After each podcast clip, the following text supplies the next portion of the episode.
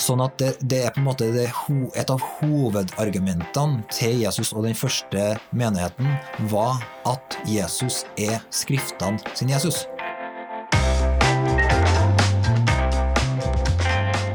Vi har en oppfølgingsepisode. Forrige podkast tok tak i så store spørsmål at vi tenkte de fortjener litt mer plass. Spørsmålene var Alle kristne leser den samme Bibelen og går til den for svar, og likevel er det stor uenighet i mange spørsmål. Hvorfor er det sånn? Og hvilke grunner har vi for å tro at Bibelen er Guds ord? I denne episoden skal vi gå inn på ulike bibelsyn for å prøve å forstå hvorfor vi kristne er så innmari uenige om så mangt. Og vi vil også prøve å belyse noen flere sider ved hvorfor vi kan si at Bibelen faktisk er Guds ord.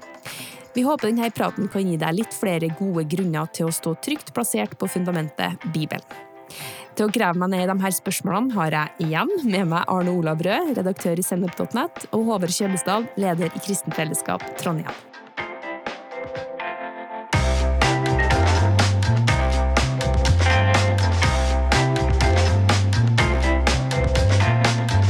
Ok, så til å grave meg ned i de her spørsmålene, så har jeg med meg Arne Olav Rød, redaktør i Sennep.net, og Håvard Kjøllestad, leder i Kristent Fellesskap Trondheim. Velkommen. Takk, takk. Takk for det. Velkommen tilbake. må du Ja, si. det må jeg si, for det er jo ikke så lenge siden dere to var med. Så vi vet jo allerede at eh, Arne Olav leser Wikipedia-artikler når han skal slappe av, og at Håvard sine favorittfilmer er American Gangster og Sound of Music. Men er det noe mer godsaker på lager, Arne Olav, om dere to? En skulle tro at den var helt uh, uttømt for fun facts, men det er ikke det. altså. Uh, nei, det jeg kan si i dag, er jo at uh, jeg ser veldig til Håvard når det gjelder strømavtaler, f.eks. Han, eh, For det orker ikke jeg følge med på sjøl, men da spør jeg Håvard, og han gir meg alltid gode råd hver gang. Veldig bra. Det, det er jeg veldig glad for å høre, Arne Lav. Faktisk, jeg må bare si at nå er det på tide at du bytter strømavtale. faktisk. Hvis du skal følge med nå, så er du snart over på en igjen. Oi sann, sann, da har vi noe å snakke om etter podkasten. Ja. Ja, det er bra. Vil du ha mer fun facts om meg? òg? Ja, gjerne det, hvis du har noe på altså, jeg bare tenkte at jeg faktisk så tror jeg, Hvis jeg skal se meg selv litt utafra Ja. Jeg har en fascinasjon for eh, analoge dingser. Ja. Så to av de tingene som jeg liksom eh, er mest glad for i livet mitt, bortsett fra mennesker, da. Ja. Det ene er en sånn industristøvsuger fra Percher Ja. Åh, helt fantastisk. Liksom, hvis du trenger å rydde garasjen, f.eks. Ja. Ikke evje med kost og støvbrett. Og, men bare få den støvsugeren på. Anbefales. Kjøp en svær støvsuger. Og det andre er airfryer. Alle vet jo det nå. Nå er vi i 2022. Det, nei, 23. Det er jo liksom den magiske tingen, men det er liksom ikke tenk at det bare er en gimmick. Det funker, det er dritbra. Gå på det. okay. Ingen av innslagene der var sponsa av noen ja. Det er helt gratis reklame. Støttesugermisjonær. ja. Oh, måte. Ok, det er veldig bra. Eh, vi skal eh, da gå litt videre da, i, i temaet. Som ikke er verken airfryer eller eh, støvsugere, men Bibelen. og vi skal gå litt videre fra forrige måneds episode der vi snakka med eh, Knut Kåre Kirkholm om Bibelens autoritet. Og så skal vi dykke litt dypere ned i de to store spørsmålene jeg spurte der. Og det var én hvordan har det seg at kristne er så uenige om så mye når alle går til den samme Bibelen for svar? Og to, hvilke grunner har vi til å tro at Bibelen faktisk er Guds ord til oss? Så dette er jo to kjempestore spørsmål som vi da skal se litt nærmere på. Ja, det var veldig viktige spørsmål. Det er det. Og gode spørsmål. Ja. Du er god på spørsmål, da, sier du. Takk skal du ha. ok, Så først eh, så dykker vi litt ned i temaet bibelsyn da, for å prøve å forstå det første spørsmålet. fordi at alle går jo til Bibelen for svar, så da må jo på en måte hvordan man ser på Bibelen, ha noen ting med å gjøre hvordan svar man får ut av den. Så Arne Olav, hva er bibelsyn egentlig, da?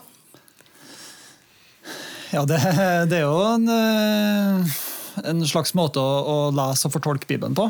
Der det vil eh, utvikle seg forskjellige retninger på hvordan en eh, leser og fortolker den. Det er jo den enkleste måten å si det på. Mm. Alt fra at en tenker at hvert ord er, er diktert av Gud, til at det, det er inspirert av Gud, og så at en forholder seg mer kritisk og distansert til teksten og leser den mer som en vanlig litterær tekst uten noen form for inspirasjon Så du har på en måte hele spekteret der. og Forskjellige måter å fortolke både helheten og, og enkeltstedene på. Ja. Hvilket bibelsyn er det som er mest vanlig blant kristne i Norge i dag, da? Eh, nei, Det vanligste vil jo si at Bibelen er inspirert av Gud. Eh, og så vil den jo vektlegge litt forskjellige ting. Eh, det var jo en sånn undersøkelse Den, den begynner å bli litt gammel nå, men eh, fra 2012, så er det noe som heter KIFO, som hadde en undersøkelse i Norge. og Der, eh, der vil jo 29% av alle nordmenn, uavhengig av om de kaller seg kristne eller ikke, vil jo si at Bibelen er inspirert av Gud. Eh, Så det er en ganske høy andel. Ja. Eh, Flere enn dem som går på gudstjeneste. Og så, men klart Flertallet vil jo se den som ei, ei bok med legender som er mennesker skrevne, sånn at en stripper den for eh, guddommelig autoritet. Da. Så, men Bibelen har en høyere status i Norge enn den kanskje tenker i utgangspunktet. Men nå snakka ikke du bare om kristne, men om befolkninga generelt. Befolkninga, ja. Mm. ja. Ja. Så det, det kan godt hende det har kommet nyere undersøkelser, men den er i hvert fall fra 2012. Altså. ja. Ja. Men hvis man skal si noen ting om de forskjellige bibelsynene som på en måte kan føre til forskjellige svar i forskjellige spørsmål, da. Hva er liksom de vanligste bibelsynene kristne har? Ja. Det vanlige er å dele det vi kaller konservativ og, liberalt eh, syn. Og det er på en måte gjerne sånn merkelapper som er enkle å forholde seg til, men som er litt mer sammensatt hvis du borer litt i dem. da. Eh, ofte så blir det blitt sånn sjablongaktig, og at en bruker gjerne litt sånn negativt ladda om det motsatte synet av det en sjøl har. Mm. det, så i det som vi kan kalle konservativt syn, da, så ligger det jo en, en tiltro til at eh, til at Skriftene er inspirert av Gud, og at eh, vi leser Bibelen i lys av det som Jesus forkynner. Eh, Gammeltestamentet forstås i lys av det Jesus forkynner. Og at eh, de nedtegnelsene vi har i evangeliene og brevene, eh, er fra Jesus, og, at han autoriserte apostlene til å, til å viderebringe hans lære. Og at det gjør at når du leser Bibelen med det grunnsynet der, så er du jo ute etter å finne ut hva det Jesus sa og lærte. At det er utgangspunktet. Og at Ja. det blir normgivende for hva vi mener og tenker om livet i dag. Ja. Ehm, så kan vi si det, det som vi kaller liberalt syn, er jo, det er jo gjerne en sånn merkelapp som samler opp mange strømninger. Ehm, Liberalteologien hadde jo egentlig sin storhetstid på 1800-tallet. Eh, Nå er jo på en måte det ikke så framtredende, egentlig, selv om vi gjerne deler ut den merkelappen. Men nå er det kanskje mer den ja, progressive kristendommen. Eh, som er mer toneangivende i Norge og i Vesten. Hva Eh, er progressiv kristendom, da? ja, Kristendom i framgang. Ja, det høres så bra ut, Ja. Ja, topp. Jeg vil være progressiv, liksom. Ja. ja, progressivt er jo positivt ladda ordet. Det er klart det er- er ute etter fremskritt og at ting skal gå framover. Ja, ja. Og det er jo grunnholdninga der. Så da, nei, Essensen i det er jo at en stiller spørsmålstegn ved etablerte sannheter, tradisjoner, eh, og spesielt opptatt og vil på en måte lese Bibelen i lys av spesielt eh, Jesu forkjærlighet for svake, marginaliserte, utstøtte, og løfte opp det som det største hovedtemaet som, som blir på en måte altoverskyggende for hvordan vi bør leve og tenke i dag. Ja. Ehm, og, så da vil du ofte finne igjen at progressive er veldig markant på spørsmål rundt sosial rettferdighet, omsorg for fattige, undertrykte, miljøvern. Eh, og det å elske hverandre og fremme verdier som sant, medfølelse, rettferdighet, barmhjertighet, toleranse. Det er jo glimrende innsalg her nå da, for progressiv. Jeg skulle jo si at det her kan jeg jo stille meg veldig bak. Ja, ikke sant? Og det, det, er jo, det er jo ting som en vil finne igjen i Bibelen. Absolutt. Eh, absolutt. Eh, sånn at eh, eh, Noe av utfordringa med her er jo på en måte at en da løfter opp eh, kan si, deler av Jesu forkynnelse og gjør den til, til på en måte det ene og alene temaet. Eh, som da blir at du kan jo si setter enkeltting i et nytt lys, og på en måte at det evangeliet og det verdensbildet som, som Jesus og apostlene forkynner, blir på en måte annerledes. da. Fordi Fordi at man på en måte setter én del av Jesus sin lære høyere enn alt annet. på en måte. Ja, det blir på en måte, det, det løftes jo fram som det som blir viktig. Ja. Eh, og at eh, hva skal jeg si, bibelsyn og verdenssyn innrettes etter at det temaet får forrang. Ja. Eh, så Så- det, det, vi er på en måte i en litt sånn vanskelig farvann. for at, eh, ja, Det er jo ikke noe problem å finne igjen at Jesus er opptatt av svake og fattige. Nei, det er Det, ganske det, lett å finne. det, alle som leser Bibelen, vil være enig i det. Ja. Um, men det er jo mer at uh, når en stripper vekk sentrale deler av det som er store bilder i Bibelen, med skapelse, syndefall, det er en forsoning et frelsesverk som skjer på Golgata, som handler både om det her livet og evigheten. Og at eh, Gud eh, står fram som en dommer som er fullkomment rettferdig og skal dømme verden med rettferd. Det gir jo på en måte et, et et mye bredere perspektiv enn at eh, det handler om å etablere sosial rettferdighet i denne verden. Men det er jo ikke at det er feil eller uviktig, men bildet er større. Men eh, når, altså når du sier at de vektlegger ting, da betyr det da implisitt at de òg kan si at de her tekstene forholder oss ikke til, og de her forholder oss ikke til, eller? eh, Jeg vil si at de leser tekstene i lys av andre premisser. Ok. -hmm. For eksempel ja, Da står spørsmålet om fortapelse, for eksempel. Da. Ja, det er jo høyaktuelt. Ja, så Der vil jo mer konservativ eh, teologi og med et konservativt syn vil si at Jesus forkynner en mulighet for en fortapelse. På en måte for å ansvarliggjøre og si at alle står overfor Gud. Vi trenger å leve i Guds frykt og, og ta Jesu forkynnelse på alvor. Um, fordi at det har konsekvenser for etterlivet, det som vi møter etter døden. Og da vil jo på en måte eh, motsvaret fra mer eh, progressiv kristendom vil være at eh, mye av forkynnelsen rundt fortapelse er, er vond å forholde seg til. Eh, fordi at det skaper angst og uro og usikkerhet rundt hva som skjer etterpå. Og det er skadelig, så derfor så det, må det på en måte neddempes. For poenget er at en skal sette mennesker fri i det her livet fra ting som påfører vanskeligheter. Og, ja. ja. Hva tenker du om det, Håvard? Eh, nei, altså det, det, Jo, jeg tenker jo at eh, hvis man da kan sortere på hvilke bibelske sannheter man kan eh, si at det her forkynner vi og står vi for og ikke, så vil jo jeg si da at man i stor grad tar eh, Gud sin plass. da. At Ja. man gjør seg sjøl litt til Gud.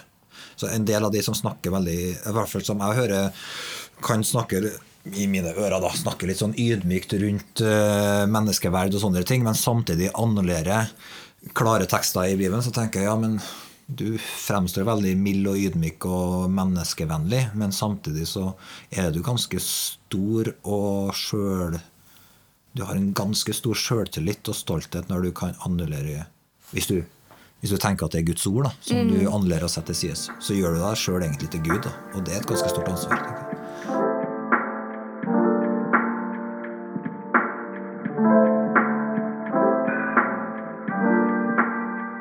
Ja, så er det at eh, Jeg vil jo si at du kanskje vektlegger noen problemstillinger som du ser gjennom menneskelig erfaring, eh, som er reelle.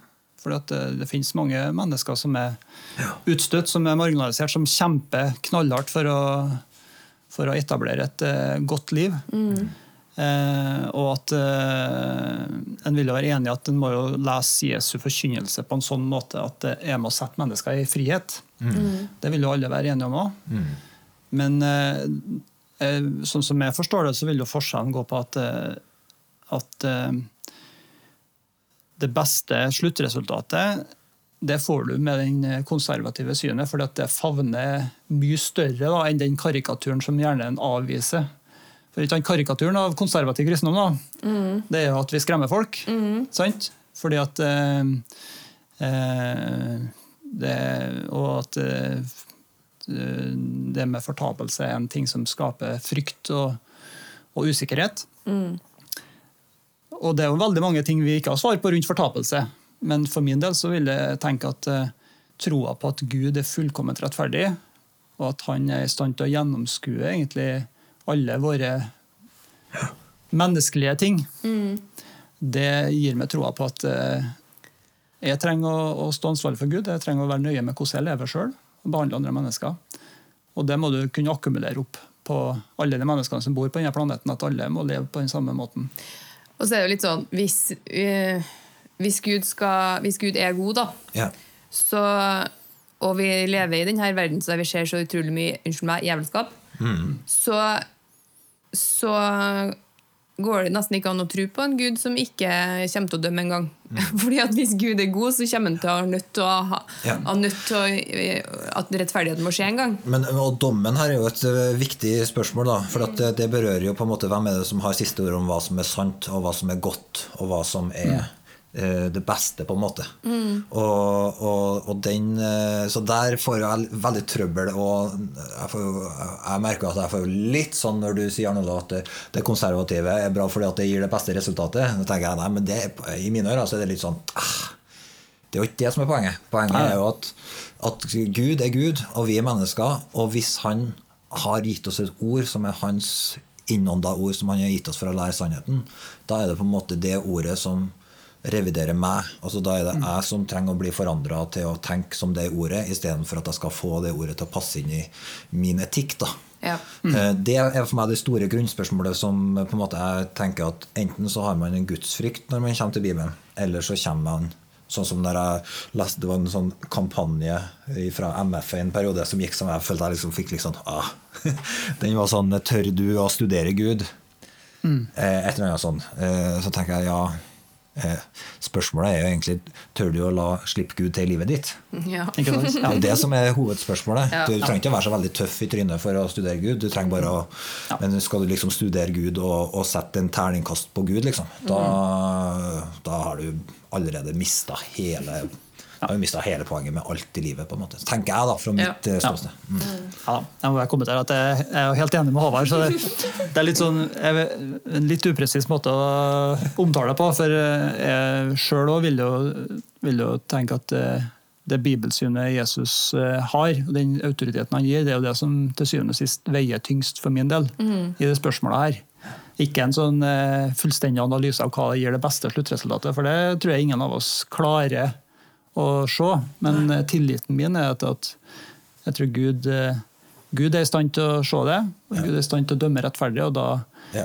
i min eh, litt begrensa synsvinkel, så tenker jeg at eh, det er bedre å bøye seg for han Ja. enn å begi seg ut på en jakt etter noe annet enn det han eh, Ja. står for. Ja. tenker jeg. Men eh, eh, det her, altså Hvis vi skal sette merkelappen på en måte konservativ og progressivt bibelsyn på det her, da, så er det jo på en måte to eh, forskjellige utgangspunkt. Altså Progressive sin utgangspunkt er kanskje er mer eh, La oss se på verden og menneskelig erfaring sånn som vi har det nå, og hvordan funker det med Bibelen. ja. Og Eller Ja, det, er jo en eh, litt enkel måte Ja, å si ja, det på. jeg prøver bare å oppsummere litt sånn. Ja. Og så ehm, at konservativ er mer hva er det at man ser til Bibelen for eh, det man tror er sant, og innretter livet sitt etter det. Enkelt forklart. Ja, enkelt forklart. Men det, det, det å kommentere det siste, det krever mye Det krever et helt liv å studere det òg. Ja. For det er fort gjort å bli stempla som en liten karikatur. Men jeg opplever at, det- at det å stå for et konservativt syn, det rommer veldig mye eh, dybde, det òg. Ja, ja, ja. Og at det favner alt av menneskelig erfaring som en møter på veien. ja. Det òg. Ikke sant. Ja. Men så spørsmålet mitt er da, klarer vi altså, Nå snakker vi jo sammen, og vi er jo på en måte egentlig ganske enige om Enige, men, men eh, klarer man å snakke sammen, liksom? På tvers av de her bibelsynene? Altså, altså det, jeg, jeg tror jo uh, i de her skillene på bibelsynene er den største og mest legitime, vil jeg da si, eh, årsaken til at det er en reell hva skal jeg si, oppdeling i det som kalles kristenheten. Ja. At man kommer til forskjellige konklusjoner om Ja. Altså det her, for min del så er det her eh, det som går på bibelsynet, til syvende og sist en, en legitim grunn til å si at eh, Fordi at, eh, at eh, Jesus forankrer forståelsen av seg sjøl og relasjonen til seg sjøl så sterkt til Skriftene, vil jeg si. Så vil jeg si at Hvis du forkynner en Jesus som ikke er forankra i Skriftene, kanskje vi kan komme litt mer tilbake til det, men da vil jeg si at da har man egentlig gått så langt at man eh, har forkynner forkynnet en annen Jesus. Da kan man lage den Jesusen man sjøl vil. Og det hører jeg, veld, jeg hører veldig mange Jesuser som blir forkynt og formidla på ulike måter rundt omkring i Norges land eh, av, eh, innenfor det som Arnold kaller det progressive. Da. Eh, som jeg vil si det her er ikke Bibelens Jesus. Det her er en annen, det er en annen Jesus. Eh, det er ikke han jeg tror på. Så det, For meg så er det en legitim eh, grunn til å si at det her, det her tror ikke jeg på. Det kalles kristendom, men jeg tror ikke på det. på en måte. Eh, og det har med bibelsynet å gjøre, og det får konsekvenser da inn i forhold til hvordan man håndterer veldig mange andre spørsmål knytta til troa. da. Ikke bare hvem er Jesus, men først og fremst det. Hvem er Jesus? Hvem kan definere hvem Gud er? Og så er det da masse spørsmål som Og hva er evangeliet? Eh, går det her tilbake til. Mm.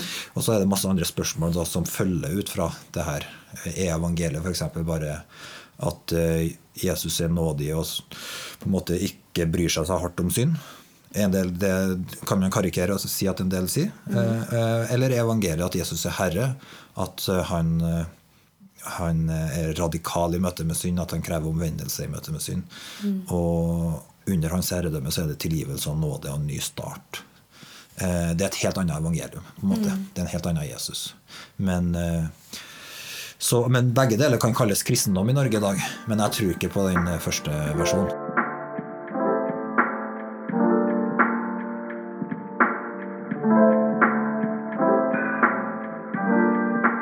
Kristin Tentberg, vi, vi som produserer denne podkasten, vi er jo under paraplyen på en måte konservativ bibelsyn. Um, og gir Bibelen mye autoritet. Um,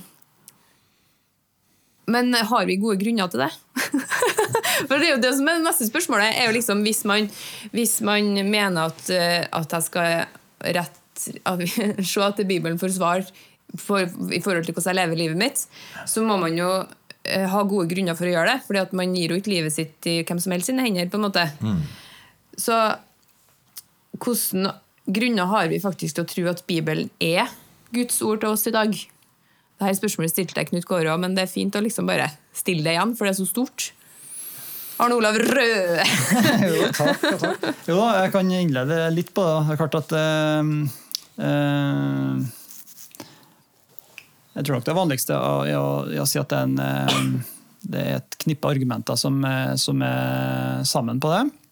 Så kan jeg begynne på litt, litt ytre plan. ikke sant? For at Bibelen er jo en tekstsamling 66 bøker, skrevet over eh, en lang tidsperiode, forskjellige forfattere. og eh, alle som på en måte vil si at Bibelen er Guds ord, er jo innrømmer jo at Bibelen er skrevet av mennesker. Og at det går an å forske på sant, hvordan det har blitt. og sånn da. Men en vil jo da eh, typisk si at det finnes eh, en del eh, dokumentasjon på at eh, de historiske hendelsene som omtales, eh, kan dokumenteres av andre kilder. Eh, og der er jo kildeomfanget bedre jo yngre ting er. Så Det er på en måte et stort lerret å bleke. Jeg skal ikke si noe mer om det, men bare nevne det. Mm. Det handler litt om hvilken type tekst er det. Jeg vil si at Bibelen er en profetisk bok, og det er et sånt ord som er greit å vite om. Altså at den, den har en rød tråd, den bygger opp til noen ting. Ja. Det er noe som henger litt sammen tvers av alle 66 bøkene, og det, det kan vi kalle det profetisk. Og det handler om at det bygger opp til at Jesus, som en Messias, skal komme. Det er jo interessant bare at siden det er skrevet over så lang tidsperiode av så mange forfattere, at det likevel har en rød tråd, er jo et under Ja. i seg sjøl. Ja, det, så at eh, det er ikke 66 løsrevebøker, det er en sammenheng mellom dem. og Det, det kalles at det er et profetisk argument over seg. Det bygger opp til at Jesus kommer. Og Det nye testamentet omtaler hva han gjorde og sa, og hva de første kristne gjorde da, etter at han for opp timen. Så det jeg sier ved det. Det handler litt om hvilken type tekst det er. At den er skrevet under inspirasjon av Den hellige ånd. betyr at, det- at eh, eh, jeg, vil, jeg vil legge til grunn at, at Den hellige ånd har sagt det han vil si eh, om eh, Gud og hvem vi er. Sånn at det gir oss et verdensbilde å, å forstå. Eh, sånn at eh, det er f.eks. annerledes enn Koranen, som, eh, som det da hevdes er et diktat mer. Sånn at det da stilles strengere krav til en ufeilbarlighet, og at liksom det eh, Bibelen, Den norske bibelen er basert på forskjellige tekstmanuskripter. sånn at det er gjerne en oversettelse av forskjellige typer tekster som gjør at vi har en norsk oversettelse, For mm. Så det er jo et stort eh, tema går an å snakke mye om. eh, men eh, og at den passer med erfaringene og måten vi møter livet på, både motgang og medgang. Bibelen favner alle, alle fasetter av livet. Fra vi er unge til vi er gamle. Og vi kan kjenne oss igjen i forskjellige personer og situasjoner i Bibelen. Så det gir mening på den måten. Men altså, som jeg sa litt tidligere, det mest tungtveiende argumentet for min del For For en kan jo lese sant, motargumenter settes inn i sånne ting og blir litt i tvil på hva, hvordan gyldig jeg tar den. Men eh, da, i hvert fall så langt jeg har studert dette over år, så tenker jeg at det mest tungtveiende for min del er på en måte den autoriteten som Jesus gir Skriftene. Mm. Fordi at det, jeg har ikke, jeg si, ikke forplikta meg til å være forstå meg rett, kristen som en sånn merkelapp. ikke sant? Eh, for meg er det viktig å leve opp til alle forventninger til hva en k- bærer av en kristen kultur betyr. Men for meg jeg har dypest sett forplikta meg til å følge Jesus. Eh, samtidig som at jeg er norsk og bor i Norge og er en nordmann. Og da, da vil på en måte at eh, det å, det å følge Jesus og, og gi Skriftene autoritet, det er noe som jeg gjør fordi at han er så tydelig på det. Ja. Og da, da gjør det noe med måten jeg leser og åpner Bibelen. At jeg tenker at eh, Jesus han løfta opp denne teksten og sa at den, den har en spesiell autoritet. Eh, Den kommer fra Gud, og det, det tar jeg med meg. Uh, og har med meg uansett hva jeg måte, møter i livet av eh, både egne og andres erfaringer. Så, så tenker jeg at det er et grunnsyn for at Jesus har bedt oss om det. Ja. Så det kommer jo egentlig ned til hva man, hvem man tenker Jesus var, da. Ja, altså på en måte så altså Han var jo innpå det her litt eh, Eller dere var jo innpå det i podkasten med en eh, Kåre. Mm. For han sier at eh, på en måte så er forholdet mitt til Bibelen et slags mirakel. sånn. Ja. Eh, fordi at eh, jeg, jeg, har, jeg har bare den her overbevisninga om at jeg tror at Bibelen er Guds ord. Men eh, jeg vil kanskje nyansere det litt og si at eh, eh, altså jeg, jeg pleier ofte å si at bibelsynet mitt da, det er et sånt sirkelargument. Og det er jo ofte ikke sånn positivt lada. Jeg skulle til å si det. Det, sånn, det blir ofte avfeid, for at det bare går i sirkel. Ja, for det går i sirkel. ikke sant? Og da det er det som folk sier, nei, men nå argumenterer du bare i sirkel. Mm. Ja, det er det jeg gjør. Fordi at, eh, og det er litt sånn, jo, for jeg, jeg tror på Jeg tror på Jesus fordi at Bibelen sier at han er den han er. Mm. Og jeg tror på Bibelen fordi at Jesus sier det han sier om Skriftene. Ikke sant? Ja. Så, og det her, eh, så hvordan, ja, hvordan kommer du inn i den sirkelen? Og Det er jo det egentlig der eh, eh, sier at ja, det er et mirakel. Eh, Og, men jeg tenker Jesus faktisk drøfter de tingene her litt. Ja. Så, så det er bl.a. et avsnitt i Johannes 5. Så, og da stiller folk spørsmålet liksom, ja, men du hevder at du er sendt fra Gud, du kommer fra Gud, du er Guds sønn. Du snakker om Gud som din far. Det her er blasfemi, hvordan kan du si det her? Og så sier Jesus ja, hvis jeg bare vitner om meg sjøl, så er jo ikke vitnesbyrdet mitt eh, gyldig. Hvis jeg bare jeg sier det, derfor skal ikke tro det. Og så sier han, men det er en som vitner om meg, og det, det er Johannes døperen. Og det var litt sånn right in your face, fordi at eh, Johannes døperen var jo liksom the man på den tida. Hele nasjonen kom jo ut til han og fulgte han og ble døpt i Jordan. eh, Og vendte seg til Gud under Johannes døperen sin forkynnelse av Guds rike. Så når Johannes døperen da pekte på Jesus og sa 'se, der er Guds lam', og, og snakka om han som Messias, så det veide supertungt. Men så sier Jesus men jeg har, jeg har enda sterkere vitnesbyrd enn Johannes døperen, og det er de gjerningene som Faderen har gitt meg å gjøre. Så han peker på miraklene sine som han gjorde. da. Eh, vann til vin, brødundre osv. videre Eh, så det eh, her må dere våkne opp. Jeg gjør ting som ingen andre har gjort. Det fader, fader, far har gitt meg å gjøre de her gjerningene. Det vitner om meg. Men så sier han, men Faderen har også vitna om meg.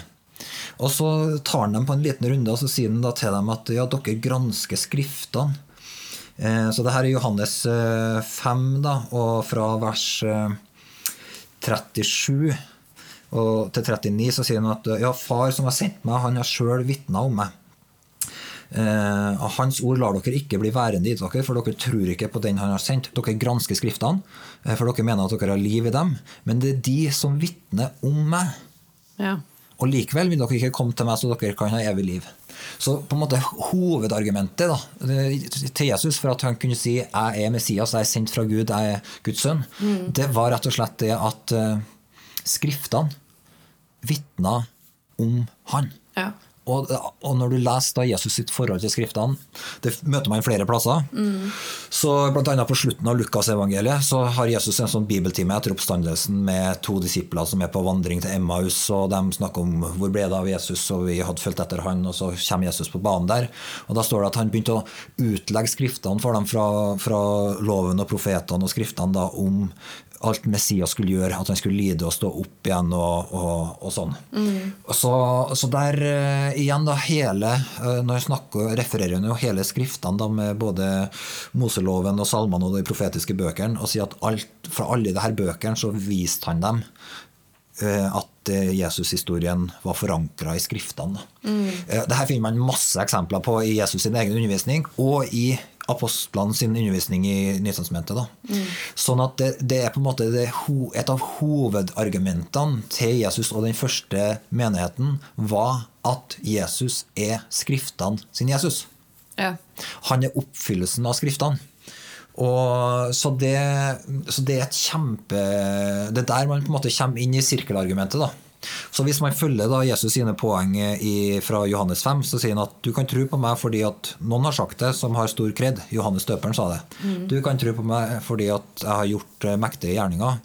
Eh, Og du kan tro på meg fordi at skriftene vitner om meg. Det er det viktigste argumentet. Men egentlig så er alle de der tre da, for meg eh, litt sånn steg for å komme inn i den her eh, sirkelargumentet da, med forholdet mellom Jesus og Bibelen. Fordi at Jeg tror på Jesus fordi at noen som jeg hadde tillit til, fortalte meg at han levde, og at de har møtt ham. Mm. Jeg tror på Jesus fordi at han har svart på, gitt meg vektige bønnesvar. Jeg har vært vitne til at han har rakt ut hånda si og gjort store ting i dag mm.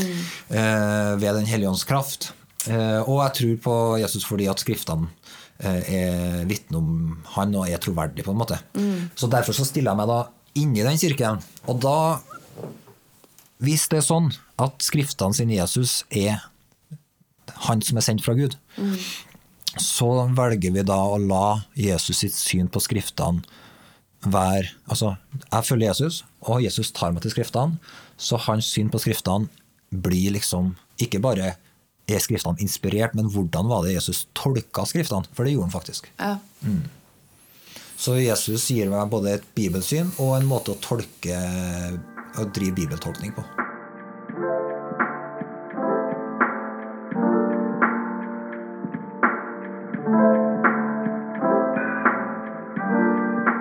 Det er jo Ja. Ja, er jo, ja jeg syns det er litt tankevekkende å høre. Og mye av det du sier. I lys av liksom, eh, ikke sant, hva slags Jesus er det vi presenterer og snakker om for folk i dag òg. For det er klart at eh, hvis en eh, ja, deltar i kristne arrangement og møter og i liten grad eh, tas til den eh, Jesus som Bibelen omtaler, så er det på en måte Du blir jo på en måte eh, blir jo ikke kjent med Jesus. Det er jo skriftene først og fremst som gjør at du blir ordentlig kjent med hvem du møter. Og, og etter mitt skjønn òg den største muligheten for å oppleve ekte frihet og, og mening i livet. Ja. Å komme til Jesus. For hvis ikke så blir du på en måte bare eksponert for en kultur du skal ta stilling til. Da. Ja. Så ja. Det er veldig interessant. å Nei, så jeg, jeg, tenker at, i hvert fall, jeg vil si at bibelsynet mitt er veldig nært knytta til Jesus, fordi at Jesus, den Jesus jeg tror Jeg tror det finnes en fake Jesus og en ekte Jesus. ja, mener, altså, Paulus skriver til en menighet som er i Korint. da, så skriver han at uh, det, det er rart hvor lett dere tar imot at noen kommer og forkynner til dere en annen Jesus. En, at, at dere tar imot en annen ånd og et annet evangelium. Så han, han aner, apostelen Paulus anerkjenner at det fins en forkynnelse, altså en forkyn, noen som forkynner om en fake Jesus. Så det, det tenker jeg det må vi Vi kan ikke være sånn, som kristne så kan ikke være naive i møte med den typen eh, Det fins en forkynnelse av Jesus som ikke er skriftene sin Jesus. Den trenger vi å, tenker jeg, å avvise. Hvis vi skal følge Bibelens Jesus. Da. Igjen, nå er vi i sirkelen. Ja. Det er på mange måter en problemstilling som var veldig kjent for apostlene. Vi ser at brevlitteraturen eh, ofte tar, tar utgangspunkt i at en, eh, en eh, hører om andre evangelium og andre måter å presentere det Jesus sto og forkynte for, som de var nødt til å adressere. Sånn at det er på en måte ikke Det er jo ikke bare noe som vi kanskje tar opp nå i våre dager, at det finnes forskjellige måter å forkynne på. Det var en kjent sak for eh, apostlene òg. At eh, det allerede tidlig oppsto forskjellige retninger som tok Jesus til inntekt for andre syn enn det som mm. han eh, Ja. Autoriserte apostlene til å forkynne. Ja, ja for det, det der du sier der er kjempeviktig, for at til syvende og sist så er spørsmålet da eh, Man kan ta Jesus til inntekt for andre syn. Og, det, og, der, og det handler med forholdet vårt til Bibelen å gjøre. da. Hva mener du da? Jo, jeg mener det at eh, Jesus er en populær i en del eh, Han er populær. Ja. Han er en av historiens Han er den mest populære og den mest upopulære i hele historien, på en måte. Ja. Og, og sånn at du kan ta Jesus til kred for mange ting, men, eh, men eh, den Jesus som Bibelen forkynner, da, han snur på en måte flisa. Du kan ikke, jeg kan ikke bruke Jesus til å fremme mitt syn. Nei. Jeg trenger å legge av mitt eget syn og begynne å få Jesus sitt syn. Da. Han krever etterfølgelse og omvendelse, liksom. Det er kjemperadikalt. Superradikalt. Og Der kan jeg gjerne si at eh, noe av det ideale som vi strever mot, er å på en måte klare å forkynne hele budskapet. Ja. Og ta inn over oss alle de eh, hva si, utsagnene og tingene som Jesus lærer, som, eh, som vi gjerne slåss med hele livet Også, for at det er radikalt å møte. Ja, det utfordrer oss. Eh, På den ene sida vil vi etterstrebe å forkynne alt. Og så vil på en måte andre retninger vil ikke forkynne noe helt annet, men vi vil gjerne vektlegge ting. Ta opp et enkeltelement og løfte opp det til å være det som overskygger alt annet. Og da, da blir på en måte helheten noe annet òg. Ja. For at den annullerer eller, eller nedtoner andre ting som Jesus forkynner. ja. Det er ofte sånn forskjellige kristendomsretninger oppstår og lever og dør ut. da. Ja. Jeg bare tenker på den der historien om når hun dama ble grepet i ekteskapsbrudd. Ja. Og så eh, sier Jesus at den som er uten synd, kan kaste den første stein. ja. Og så tar han hun i handa og så sier hun ikke du, ingen fordømmer deg, og jeg fordømmer deg heller ikke. ja. Og så er det fort gjort å stoppe der, da. Men Ja. så sier han jo etterpå Gå bort og så ikke synd noe mer. ja. Og der har du jo på en måte begge sidene av Jesus. Jeg fordømmer deg ikke, ja. men jeg tolererer heller ikke synd. synd. Ja, ja, ja. kjempegodt poeng. liksom Ja. To eh, De to, ja. Men, eh, men den, eh, det eksempelet der er faktisk veldig interessant i forhold til Bibel eh, eh, At Jesus faktisk eh, tolka, da. Så, fordi at eh, eh, Han har jo et utsagn i møte med fariseerne. Så sier han at eh, det er noen ting som eh, veier tyngre enn andre i, i loven. Han sier eh, ved dere skriftlærde og fariseere, dere hyklere dere gir, Nå holder jeg på å lese fra Matteus eh, evangeliet 23, kapittel 23, vers 23. Dere gir tiende og mynte av uh, urtene deres, liksom, men forsømmer det som veier mer i loven. Rettferdighet, barmhjertighet og troskap. Det ene burde gjøres, og det andre ikke forsømmes. Blinde veiledere som siler bort myggen, men sluker kameler. right in your face. Men, uh, han, ikke sant? Så her uh, snakker Jesus om bibelfortolkning, og det er egentlig det Han er jo det er helt eh, fordi at Det som er bakteppet for den historien som du forteller, er jo at ei, eh, hvis du, hun her dama da, som hadde blitt grepet i ekteskapsbrudd, hun skulle jo bli steina i henhold til loven. Så loven sier det. Og, og det som vi trenger å legge merke til, det er jo at Jesus han anerkjenner hele loven som Guds ord. Jesus annullerer aldri loven. Sant? Og det, det her er viktig, fordi at, at eh, det finnes det eh, ganske sånn tydelige røster innenfor det som bærer navnet kristenheten, da, i Norge f.eks., og internasjonalt, da, som vil si at eh, nei, vi forholder oss ikke til tekstene i Det gamle testamentet som Guds ord. Men Jesus gjorde det. Ja. Han sa at eh, himmel og jord skal ikke forgå eh, Eller eh, ikke en tøddel i loven skal forgå før himmel og jord forgår. Sånn at han, han, snakker, han advarer mot å oppheve Guds ord. Så han sier at nei, men denne loven om steining, den, det er sant, det. Det er Guds ord. Gud er i syndens lønn er døden. Så, og, så, og når du finner nesten hele Jesus sin undervisning, lignelsene, eh, de ulike undervisningstalene til Jesus, veldig ofte så ser du at han griper fatt i en tekst ifra eh, Det er hovedsaken han gjør, det er å gripe fatt i tekster og skrifter fra Det gamle testamentet, og så utlegger han dem. Ja. Mm. men så vekter den, da, sånn som du sier, at noen ting veier Ja. mer enn andre. Ja. Som f.eks. i det eksempelet så veier det mer å vise barmhjertighet. Ja. Så Gud er ikke ute etter at noen mennesker skal dø eller gå til grunne, Nei. men han er ute etter å gi liv. Ja. Altså det finner du da, men det er ikke Jesus det er ikke den første som sier det. Eh, profetene jobber jo på den måten. Ja. Og, og ak bruker akkurat de samme ordene at Gud, Gud vil ikke at en synder skal dø, men at han skal vende om og finne livet. Så Esekiel blir jo refsa, eller han blir ikke refsa, men han får jo det her Du må advare den som synder, sånn at han kan finne livet. Så, så jeg tror den historien er et kjempegodt eksempel på at Jesus han forholder seg til det her som Guds ord, eh, hele Gamle testamentet som et uttrykk for Guds vilje. Og så sier han at eh, men det er noen ting som veier tyngre enn andre. Og det er bl.a. barmhjertighet veier tyngre enn at du er eh, øyene nøye nøyaktig på tienden på urtehagen din, liksom. Eh, og da lærer vi på en måte fra, av Jesus en måte å altså han sier, han, Men til og med tienden av urtene, sier Jesus, skal du ikke forsømme. Nei. så, han, så da kan jo si ja, men det driter vi bare i. Tienden av urtene betyr ingenting. Men Jesus sier ikke, nei, ikke forsøm det. Tienden er viktig. Men, eh, men, det, men barmhjertighet det er mye mer sentralt i loven. Ja. Så barmhjertighet og nåde var ikke noe som var helt nytt med Jesus. Gud er den samme gjennom hele det gamle testamentet.